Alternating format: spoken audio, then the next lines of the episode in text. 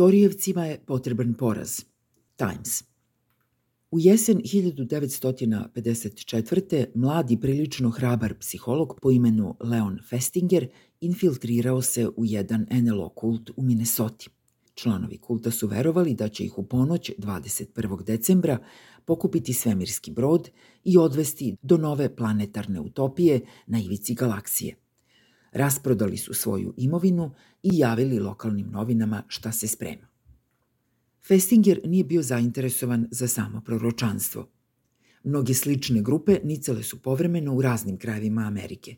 Psihologa je zanimalo šta će se desiti pošto se proročanstvo ne ispuni. Da li će članovi kulta priznati da su naseli, da li će se vratiti svom životu, da li će se ponovo povezati sa realnošću. Zapravo, 35-godišnji Festinger, koji je već godinama ispitivao dogmatsko mišljenje u raznim oblicima, očekivao je da će se uverenja članova kulta još više učvrstiti. Psihološki bi bilo suviše strašno priznati grešku, suviše pogubno suočiti se sa podsmehom ljudi koji su ih upozoravali da greše. Naravno, kada je sat otkucao ponoć, članovi kulta su s mesta našli alternativno objašnjenje. Planetarni raspored se promenio. Svemirski brod je u stvari trebalo da sleti dve godine kasnije. Ubrzo su se vratili svojim redovnim poslovima, propovedanju i vrbovanju. Pominjem Festingerovo istraživanje jer pruža jedinu perspektivu iz koje je moguće razumeti sve ovo što se već šest godina dešava u britanskoj politici. Buduće istoričare neće naročito iznenaditi što su se za manje od godinu dana promenila četiri ministra financija, što su tržišta u rasulu i što su se samo nekoliko nedelja nakon poslednjih već spremali novi izbori za lidera partije, dok su kladionice nudile opklade i na povratak Borisa Johnsona.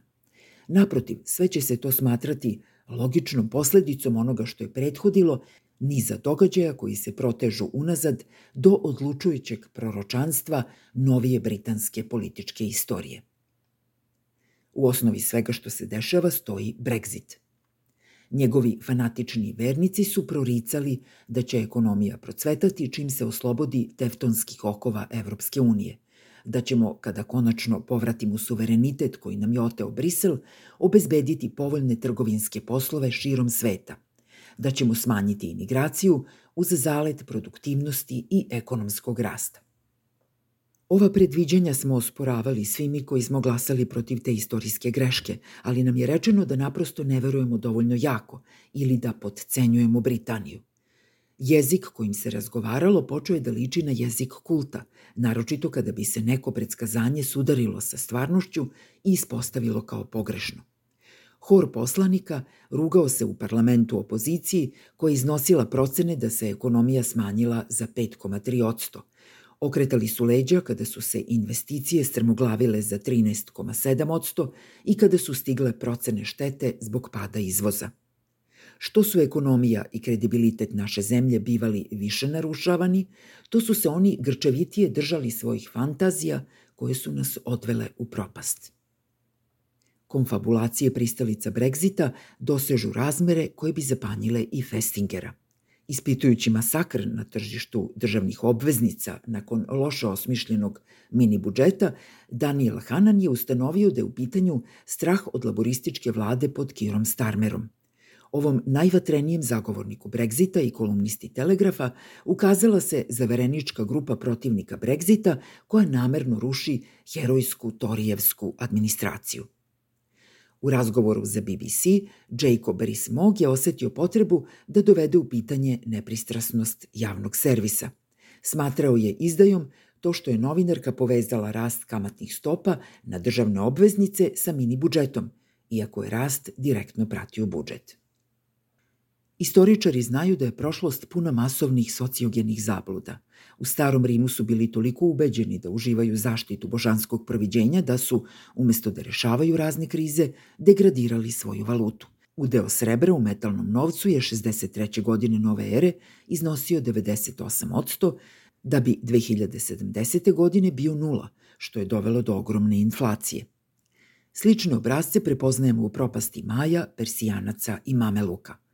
Moglo bi se reći da je glasanje za Brexit bio sličan spazam istorijskog poricanja stvarnosti od strane bivše velike sile koja nije u stanju da prihvati sporednu ulogu u svetskim poslovima. Zato je neverovatna ideja da Torijevci samo treba da otkače list tras i na vreme povrate poverenje da bi pobedili na sledećim izborima. Podsjetimo, ova vlada žestoko kritikuje prethodnu, a nema sumnje da će se nova administracija isto tako žestoko obračunavati sa svojim prethodnicima. To je uzgred još jedan obrazac koji je Festinger uočio u dinamici kultova. Kako eskalira kognitivna disonanca, fanatični vernici se fragmentiraju u konkurentske podgrupe. U tom smislu obične Torijevce predstavlja Riši Sunak, a istinske Torijevce Penny Mordant, mada ko zna koliko će se još podela napraviti. Ali svi Torijevski kandidati za novog premijera branili su kršenja vladavine prava i druge akte vandalizma inspirisane Brexitom. Sam Brexit, makoliko osporen, postao je sveti gral ove partije, znak raspoznavanja. Neekonomska kompetentnost ni tačerizam čak ni burkovski tradicionalizam. Sve je potrošeno u odbrani centralne dogme. Zato nam ne treba promena lidera, već promena vlade. To nije samo u interesu nacije, već i u interesu samih Torijevaca. Festinger je utvrdio da su predah i pauza jedini pouzdan način da se ljudi oslobode kulta, po mogućstvu da odu na duži odmor. Kada se ljudima pruži prilika da se rasterete iscrpljujućih zahteva kulta, izlečenje je moguće – Vreme provedeno u opoziciji bi bilo oporavak. Prilika za Torijevce ne samo da promene interna pravila koja su dopustila preveliku moć brojnih članova vrbovanih iz redova Ukipa, već i da se resetuju. Poslanik Torijevaca iz pozadine Charles Walker dao je divan intervju pre nekoliko nedelja. Mi smo patriotska stranka, rekao je Walker. Naša prva dužnost nije da budemo ponovo izabrani, naša prva dužnost je služenje ovoj zemlji. Poželeo sam da ga zagrlim dok sam ga slušao, jer je to bio odblesak one Torijevske partije koje su se mnogi od nas nekada divili. Partija pragmatizma, umerenosti, realizma. Potrebno nam je da se ta partija vrati radi zdravlja naše demokratije. Zato vas molim raspišite izbore, odmorite se i pronađite se ponovo.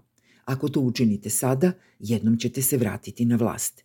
Ako budete tvrdoglavi do gorkog kraja, Ako nastavite da birate nove vođe i komplikujete svima život zagledani u svoj pupak, možda vam nikada neće biti oprošteno.